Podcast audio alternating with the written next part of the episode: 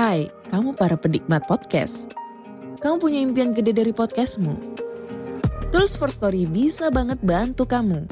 Mulai dari F-Link, Dynamic Audio Insertion, sampai statistik yang komprehensif. Semua ada di First Story. Gak ketinggalan kamu bisa monetisasi podcastmu lewat iklan dari First Story Ads yang bisa kasih kamu penghasilan dari setiap place podcastmu. Yuk gabung sekarang dengan klik di firststory.me. Sekali lagi, klik di firststory.me.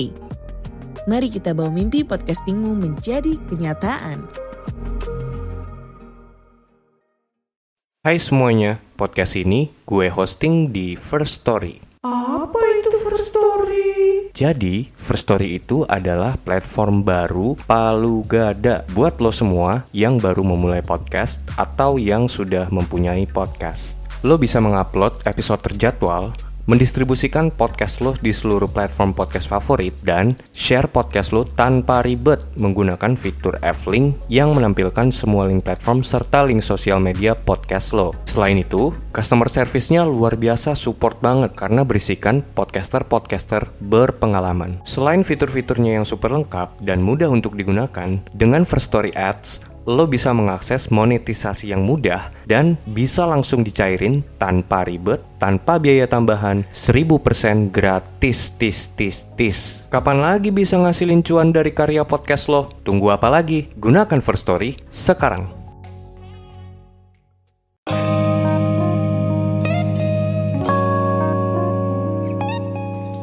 Yo guys, balik lagi bersama gue Randy Dan gue Vincent, di Konspirasi Ngopi. seruput lo kopinya. Bah, Nyeruput pakai kopi beneran. kopi beneran. Tapi masih kopi murah, kopi hitam nih. Kopi biasa ya. Kopi biasa. Belum ada kopi-kopi lain yang masuk ya. Belum ada gimana nih kopi kopi-kopi? kopi memori Kopi memori. kopi-kopi premium ya kan Kopi jerapah, ya kan? kopi yang diinjek-injek kopi yang diinjek apa yang ditubruk bre Kopi mana aja lah. Iya. Yang penting kopi. Yang penting kopi, Yang kan? penting kopi.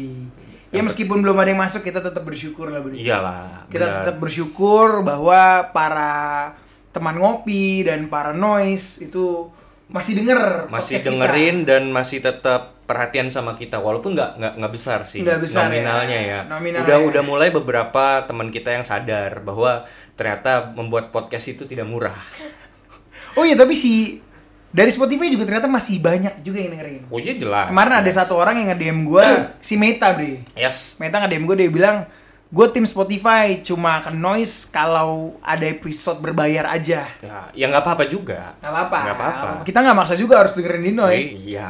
Saya Trans cinta entertainment. Ras Entertainment, tapi saya lebih cinta Aldi Tahir. Itu kalau dia bikin podcast mantep kali ya tuh orangnya. Ya mungkin bisa kali ya. Ini eh, para noise request kita lah, Hmm. request di komen yang banyak di noise konspirasi ngopi undang Aldi Tahir dong. boleh tuh, boleh, boleh juga, boleh. Siapa tahu nanti dikabulin oleh Iya, iya, tim iya. noise yang baik hati ya kan. Dikabulin kita bisa featuring Aldi Tahir, Bro. Cocok logi sama hiperbola nyatu. Hmm.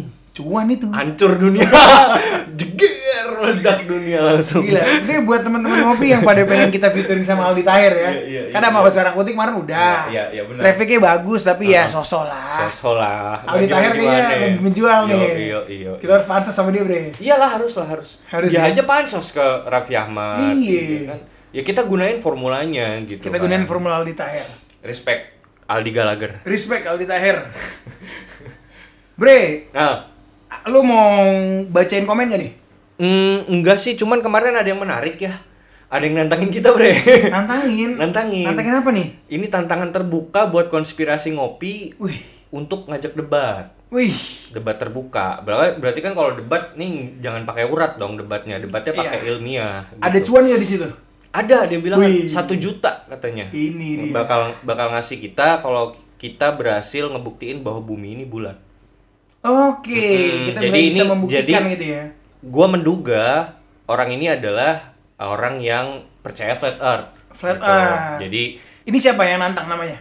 duh, gua lupa lagi namanya. Da- ada deh di komentar pokoknya namanya. Ada ya di Lihat aja komentar teman-teman ya? juga bisa lihat itu namanya. Oke, buat yang nantang nih. Iya. Gua akan lempar balik ke teman ngopi. Siapa yang mau ngeladenin ini orang? Ya kan? Siapa yang mau ngeladenin orang silahkan kan ladenin. Karena kita tidak percaya dia punya uang. Kita tidak percaya dia punya uang. Iya, ja- enggak gitu juga sih sebenarnya. Kalau gua ya DP dulu aja ya. Bener ya, Bre ya? Suruh DP dulu aja ya, 200 ribu. Dan bagaimana ya? Kan paling enggak DP itu buat kita ongkos Grabnya. Oke. oke. Buat datang, iya dong, Ya, ya, datang ke ya, lokasi ya, dong. ya. Bener gak? Nyampe dulu, oh, udah baru ayo deh gitu kan. Iya. Enggak, tapi kalau jujur sih sebenarnya gua sama Vincent males ngeladenin debat. Kita sukanya berdiskusi aja. Enggak juga. Oh, lu suka berdebat ya? Enggak juga. Enggak, gua nggak suka diskusi, gua nggak suka debat, apalagi te- temanya begini anjing. Oke. Gini, gini ya, kalau gue ya, maksud gue gini, percuma, percuma. Makanya kan kemarin gue bilang, ini tuh sama aja kayak bubur ini diaduk atau bubur ini nggak diaduk, bre. Kenapa? Karena dia akan sedemikian rupa dia percaya, memang bubur ini harusnya diaduk, memang bubur ini harusnya tidak diaduk. Dia punya banyak teori-teori ilmiah yang dia masukkan, entah dia dapat dari mana ya. Kita kan punya latar belakang pendidikan apa sih, Bre? Kan nggak ada juga di bidang itu.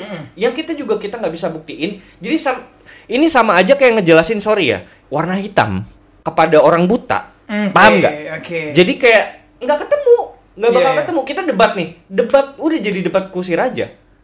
Oke. Karena yang kita debatin temanya adalah bumi ini datar atau bulat. Gitu loh. Hmm, hmm. Kalau mau nih, kalau mau ya, kalau kalau mau yang sebenarnya ini kan nggak mungkin terjadi juga gitu. Kalau mau misalnya eh, ta- tawaran tantangannya kayak gini, si orang ini bilang begini, oke bre, lu gua kasih tiket, katakanlah tiket naik Apollo roket, kita sama-sama keluar angkasa kita lihat bentuk bumi, datar atau bulat. Nanti kalau Which is misalnya dia nggak mungkin bisa ngasih itu. Kan makanya gue bilang tadi duit.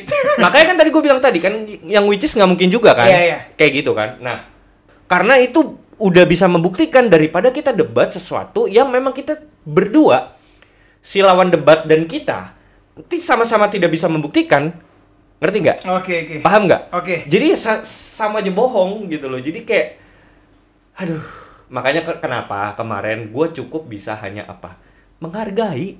Iya dong. Gue bisa apa bre? Iya, iya. gue bisa apa? Sekarang gue mau jelasin ke dia nih. Enggak. Gue bawain semua teori. Gue belajar katakanlah. Gue bukan siapa-siapa tapi gue orang yang mau belajar gitu. Terus gue belajar gitu. Satu minggu full mempelajari dan mengumpulkan data-data bukti bahwa bumi ini bulat. Terus gue hadepin ke dia. Dia bawa dia bawa apa yang dia pelajari lagi mem- membuktikan bahwa bumi ini datar anjing capek pak Nggak ada habisnya ya. Nggak ada habisnya. Nggak ada habisnya ya. Kenapa dia bisa ngasih kita satu juta? Karena nggak mungkin anjing. Karena nggak mungkin ada yang bisa membuktikan. Kita berdua juga nggak bisa. Hmm, hmm. Makanya gue lebih kepada terserah anjing. Gue nggak peduli lu mau bumi ini datar, bumi ini bulat anjing. Kalau gue sih buat dia reach out to me aja lah, reach out to me to my Instagram @randyosep. Eh. Nanti akan gua akan akan gua kasih kuliah khusus lah buat dia. Kuliah khusus ya. Kuliah khusus, tapi Kuliah gue juga khusus. nggak tahu nanti Eh, apa yang kayak apa, yang akan dia ter- pikirkan lah. Apa yang akan gitu terjadi dan kan. pikirkan. Iya. Tapi tapi gue ingin ngasih pandangan aja bahwa, hey jangan jadi orang bodoh. mereka kan berpegang teguh sama itu, Bre. nggak apa-apa sih, gue justru malah pengen denger, malah pengen denger nih Hmm, teorinya seperti apa nih. Jangan-jangan bisa meyakinkan gue bahwa bumi itu datar. Yang yang which is nggak apa-apa juga. Nggak apa-apa juga, iya. Ya iya, nggak apa-apa iya. juga anjing. Why kan gue bilang ketika lo memiliki argumen yang bagus, monggo gitu loh. Silakan. Iya, as long as argumen lo memang make memiliki sense aja. memiliki ini kan apa tuh namanya Proof memiliki lah, dasar proof. yang Yeah. kuat gitu kan. Tapi pada dasarnya di sini kita belajar ya, Bre, bahwa sebenarnya manusia itu mempunyai kecenderungan untuk memperdebatkan hal sesuatu yang tidak ada urusannya sama sekali dengan hidupnya. Iya, itu dari dulu kayaknya. Iya gak sih? Itu dari dulu sih. Gini ya, eh, ini gue jadi panjang. Tapi gue tuh paling paling bingung sama teori konspirasi bumi datar ini. Maksudnya faedahnya apa anjing? Nggak sih? Iya nggak? Nggak sekarang gini deh. Sekarang gini. Eh, gua gua ngalah, gua ngalah sama orang ini ya. Ya udah bumi datar. Terus apa? Apa yang berusaha lu ingin buktikan Hmm. dari bumi ini datar? Ya udah apa gitu loh? Apa? Ya kalau itu balik lagi dari dia sih sebenarnya. So what mungkin, gitu loh. Mungkin kan balik lagi sebenarnya kalau dari bumi Ma- datar. maksud gua kan motifnya apa gitu loh? Mm, iya ya, dong. Gini, at the end of the day, human just being human and they want to win. And that's all. Berarti kan kembali lagi ke Gitu. esensi yang tadi gue bilang. Manusia itu cenderung untuk Iya, iya. memperdebatkan sesuatu yang sebenarnya gak ada urusannya juga sama dia. Benar. Exactly. Iya kan? Makanya terbentuklah konspirasi ngopi. ya kan, kan konspirasi juga ada karena seperti itu. iya. Tapi pada dasarnya gue gua masih nggak aduh capek gue ngadepin orang-orang ini makanya makanya gue cuman bisa menghargai lah gue ya terserah lu lah anjing gue gua gue lebih percaya nih ya gue ultimatum lagi gue lebih percaya bumi ini donat udah gue lebih percaya itu aja udah Ada bulutannya satu ya. Berarti lu percaya, percaya hollow earth, Bro. gue percaya hollow earth percaya hollow earth gue percaya hollow earth saya percaya hollow earth nah guys teman-teman ngopi dan Randy hari ini kita bakal ngebahas tentang em, teknologi dan AI ini khususnya kita ngebahas tentang AI bre Artificial intelligence ya. Iya, dan berangkat dari season kita sebelumnya, season kita sebelumnya itu kan kita bahas tentang ancient civilization gitu kan dan advanced civilizations gitu. Nah, em, gua mau membawa suatu skenario nih, Bre. Kan kita kan juga udah pernah ngebahas dan kita juga berteori dan kita sepakat, kita berdua sepakat bahwa di mana peradaban di masa lalu khususnya sebelum banjir bandang itu adalah peradaban yang super canggih lah. Peradaban yang bahkan melampaui dari zaman kita sekarang gitu. Mungkin kalau bisa diumurkan 2000 tahun lebih advance daripada kita yang sekarang Yes, exactly. bisa jadi gitu kayak gitu kan dan sempat muncul pertanyaan apakah teknologi yang sudah kita gunakan saat ini itu sudah pernah digunakan sama peradaban di masa lalu itu gitu. Apakah mungkin apakah possible? Kita berandai-andai ya bre. Itu namanya retrokognisi tentang masa lalu. Apakah di peradaban ancient civilization itu mengenal yang namanya teknologi AI Sebelum itu, teman ngopi, pertajam analisa lo. perkuat dengan Cocok logi.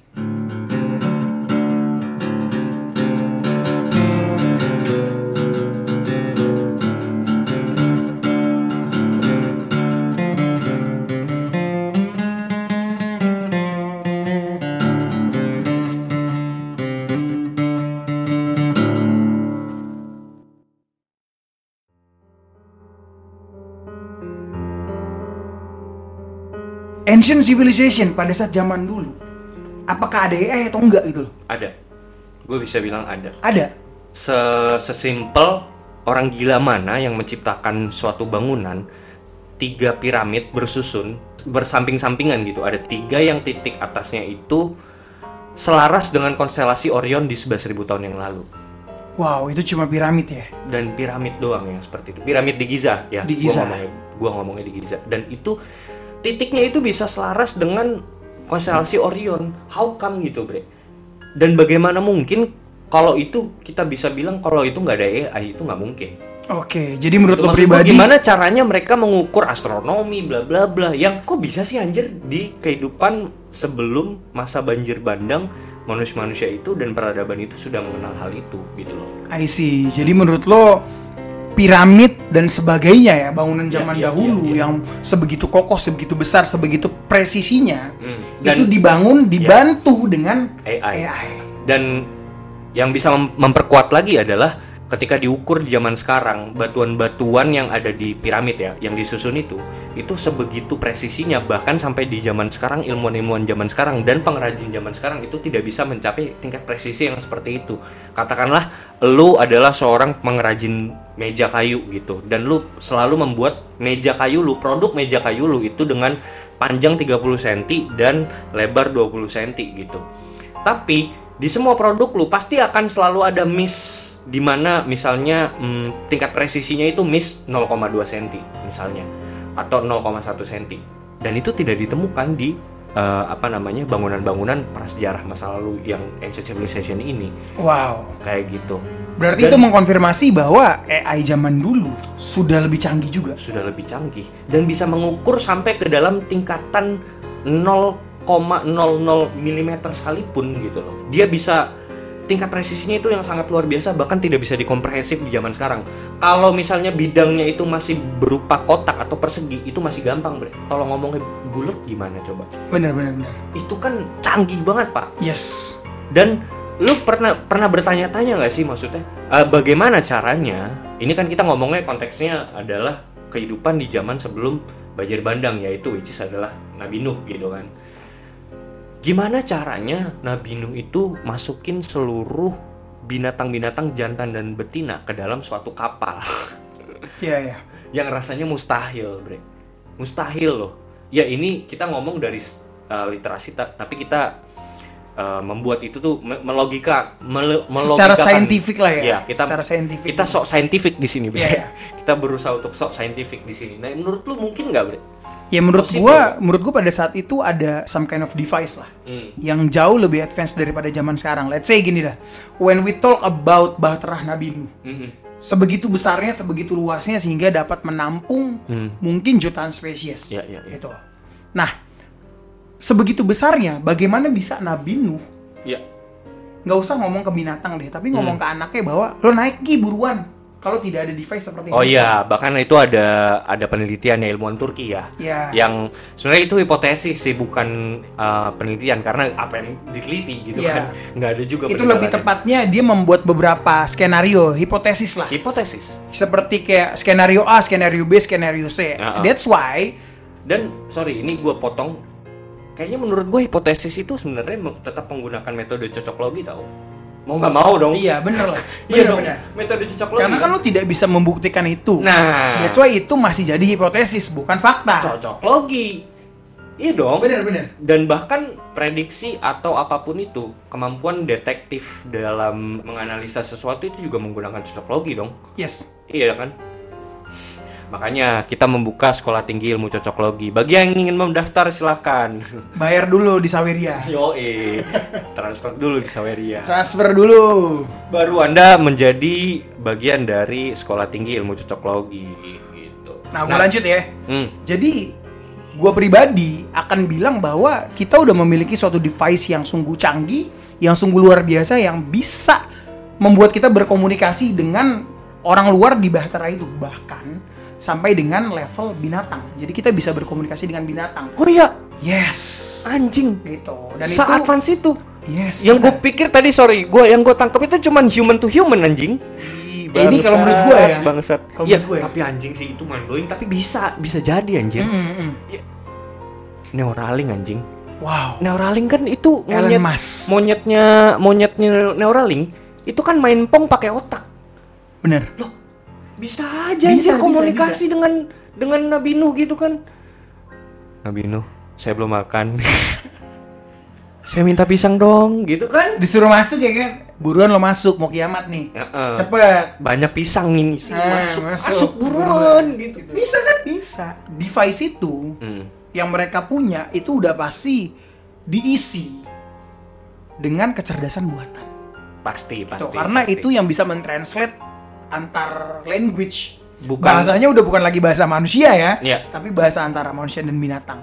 bahasa pe- pem- pemrograman, bahasa data, Ya. bahasa neural. Benar. Jadi itu lagi itu sudah tidak menggunakan bahasa bahasa sebagai perantara antara komunikasi. Jadi bahasa itu bukan lagi tolok ukur untuk menyampaikan komunikasi, tapi udah menyampaikan rasa, udah Yes. menyampaikan suatu gagasan. Jadi udah nggak lagi menggunakan bahasa yang mungkin mungkin kalau Nabi Nuh hidup masih hidup zaman sekarang lihat anjing masih ngomong pakai bahasa primitif banget anjing gitu ya kan? Masih mainin thread anjing nggak masuk akal udah udah. Ah tinggalan zaman anjing. Zaman apa itu ya kan gua nih ngomong udah pakai intuisi iya kan Benar, benar. Iya kan? Ini secara saintifik lah. secara saintifik gitu. Selain kapalnya yang advance yang sungguh luar biasa, sungguh begitu besar. Kita imagine lah loh jutaan spesies. Kalau itu luasnya tidak lebih luas daripada Jakarta, nggak muat sih menurut gua. That's why itu pasti gede banget. harus lebih luas daripada Jakarta malah menurut gua Iya, iya benar. Itu gede banget bro. eh binatang binatang aduh Binatang tumbuhan. spes bukan cuma tumbuhan binatang semua itu banyak banget gitu loh berapa berapa genus spesies Yes. binatang di dunia ini yang bisa tertampung dalam satu kapal itu impossible bre Benar. yang sebenarnya kalau kita telisik di dalam literasi pun juga nggak di- nggak dijelaskan bagaimana kan karena bakal panjang banget kalau di- dijelasin dan Yes. nggak ada manfaatnya juga bre iya dong Benar. Iya, kita di sini retrokognisi ya, kita berandai-andai sebenarnya apa sih yang terjadi di masa lalu. Menurut gue yang paling mungkin skenario-nya adalah ini sekali lagi hipotesis ya. Bisa jadi ketika itu Nabi Nuh uh, membangun bahteranya, dia tidak benar-benar secara literal dalam tanda kutip memasukkan binatang-binatang itu semua spesies binatang yang ada di muka bumi ini yang tidak mungkin ini sebanyak itu masuk ke dalam satu kapal itu nggak mungkin dalam bentuk binatang ya, tapi dalam bentuk DNA. Oke. Itu yang paling efisien menurut gua. Karena I kan see, I see. kita ngomong mereka udah se-advance itu kan. Hmm. Peradaban yang bahkan kalau kita kalkulasiin 2000 tahun lebih advance dibanding kita zaman sekarang gitu. Kayaknya kalau lu udah punya teknologi secanggih itu kayaknya sangat bodoh gitu loh, sangat primitif ketika lu masukin paus langsung masuk ke dalam situ terus tiger, lion gitu masuk ngomong kayak gitu kayak PR banget anjing. Hmm, Berapa tahun lu masukin itu binatang-binatang langsung masuk ke dalam capek anjir. I see, I see. Anaknya berapa biji? Anaknya si Nuh. Nuh tiga doang anjir. Kan nggak bisa dong. DNA salah satunya cara. Oke, oke. Jadi, Jadi- menurut, menurut hipotesis lo, Hmm. dia menggunakan DNA DNA dari para binatang itu loh ya. Iya, jadi di, diambil sampel-sampelnya aja. Ini jantan, ini betina udah dimasukin dalam eh, apa namanya tuh tabung Yes, yang yes. Kecil aja berapa senti gitu. Yang nanti ketika sudah turun sudah surut dikembangkan Oke. kayak gitu. That's Menurut why gue sih itu. That's why we both agree lah bahwa uh, ancient civilization itu menggunakan artificial intelligence atau mereka mempunyai memiliki artificial artificial intelligence yang super advance. Super advance Nah, dan teknologi-teknologi lainnya lah yang kita nggak bisa bilang lah. menurut lo pribadi, apakah ancient civilization ini Hmm. apakah karena mereka zaman itu hancur, dihancur leburkan oleh Tuhan Oke, benar.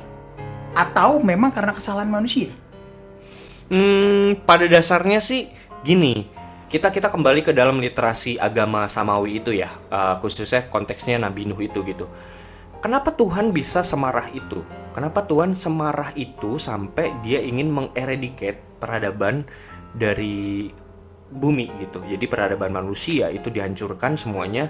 Bahkan maksudnya gini, Bre, yang yang terlibat di situ kan yang melakukan kesalahan kan manusia pastinya, Bre.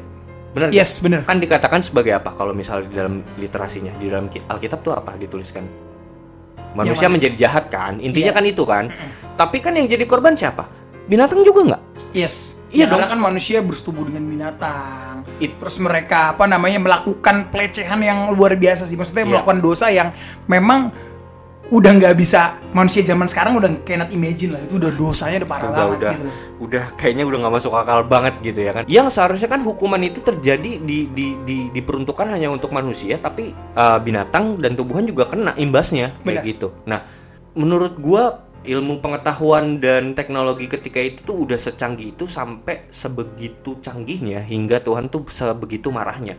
Kayak gitu loh udah sangat advance itu. Yang karena menurut gua gini teknologi semakin perkembangan teknologi itu semakin canggih, maka manusia meninggalkan fitrahnya, meninggalkan hakikatnya, meninggalkan fundamental ia diciptakan sebagai ciptaannya Tuhan.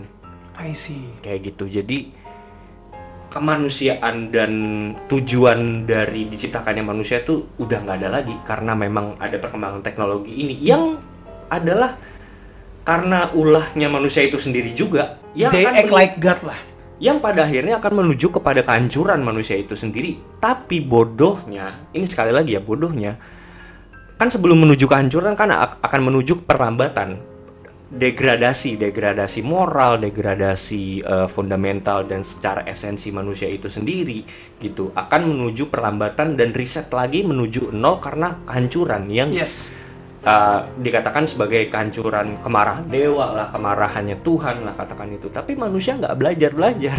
Ya, ya, ya. Dan Dari- mereka masih mengulangi pattern yang sama. Pattern ya. yang sama dari peradaban yang sudah ada di masa lalu. Maksud gua, kenapa sih lu nggak lu nggak belajar dari peradaban-peradaban advance di masa lalu? Nggak usah jauh-jauh deh. Maksudnya peradaban Nabi Nuh kan yang kita tadi tadi udah tahu, mereka udah secanggih itu, udah sel- seluar biasa itu, terus di eradicate gitu aja. Sisanya apa sih dari peradaban modern mereka kan nggak ada.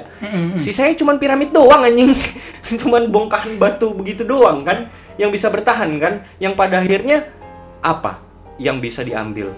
Teknologi secanggih apa pun biar bagaimanapun itu cuman buatan manusia gitu dan dan nggak nggak kekal gitu loh kayak gitu. Yang bisa bertahan apa? Alami, hal-hal alami buatan Tuhan batu.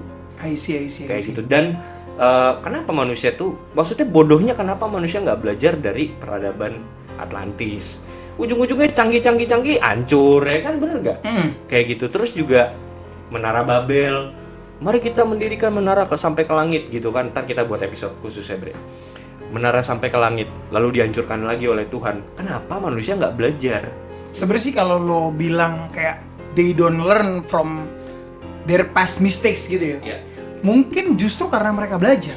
Kalau menurut gue, cuma gini, at the end of the day, as a human being, lu tuh punya suatu keinginan, lu punya suatu kesadaran bahwa you want to become a winner. Hmm. Everyone tidak mau menjadi seorang pecundang, tidak mau menjadi seorang yang kalah. Semua ingin menjadi pemenang, bahkan pemenang dalam pertempuran melawan dewa. Bahkan kalau lo lihat dari literasi pop culture, komik dan sebagainya, they always fight with someone that called God. Mereka selalu at the end tuh berantem melawan Tuhan. Ciptaannya selalu versus dengan penciptanya. Ya, kayak Dragon Ball, literasi. segala macem lah. Literasi Yunani itu Zeus itu kan lawan bapaknya, Hmm. Kronos, yang which is adalah penciptanya gitu. Yes. Dan selalu literasinya selalu diulang-ulang seperti itu, di, diadaptasi dari mitologi-mitologi, bre. Kayak Nah itu maksud gue dan ketika mereka belajar, justru yang mereka pelajarin adalah mereka melihat bahwa yang lama selalu kalah melawan Tuhan. And they won, and they think they can win. Hmm. That's why mereka mengembangkan itu. Gitu. Eh sekarang You become the creator. Mm-mm, bener bener bener. You create AI deh, ya kan? You create AI. Lu sama aja kayak katakanlah, wah gue bisa membuat suatu kesadaran nih anjir. Berarti gue Tuhan dong. Berarti Tuhan gak ada dong. Kan anjing bre. Wow. Iya nggak? Bisa nggak seorang ilmuwan berpikir seperti itu kan Iya. bisa aja kan? Loh katanya Tuhan maha menciptakan, tapi kan gue juga menciptakan. Wow. Iya kan? Bener. akan menimbulkan bias-bias yang seperti itu, ya kan? Yang meniadakan dan menihilkan esensi dari Tuhan itu sendiri. Yes. Nah makanya Tuhan itu marah. Wow, dan Iya kan? ini sangat amat mengerikan ya kalau kita ngomongin AI ya. Wow, itu mengerikan sih ya. Jadi intinya sebenarnya tetap kesalahan itu ada di manusianya, cuma mungkin yang membuat mereka lupa akan semua itu karena mereka berhasil menciptakan sesuatu yang super advance Mhm. and then they just think like I am God. Karena gue bisa menciptakan segala sesuatu. Konspirasi ngopi. Seruput dulu kopinya.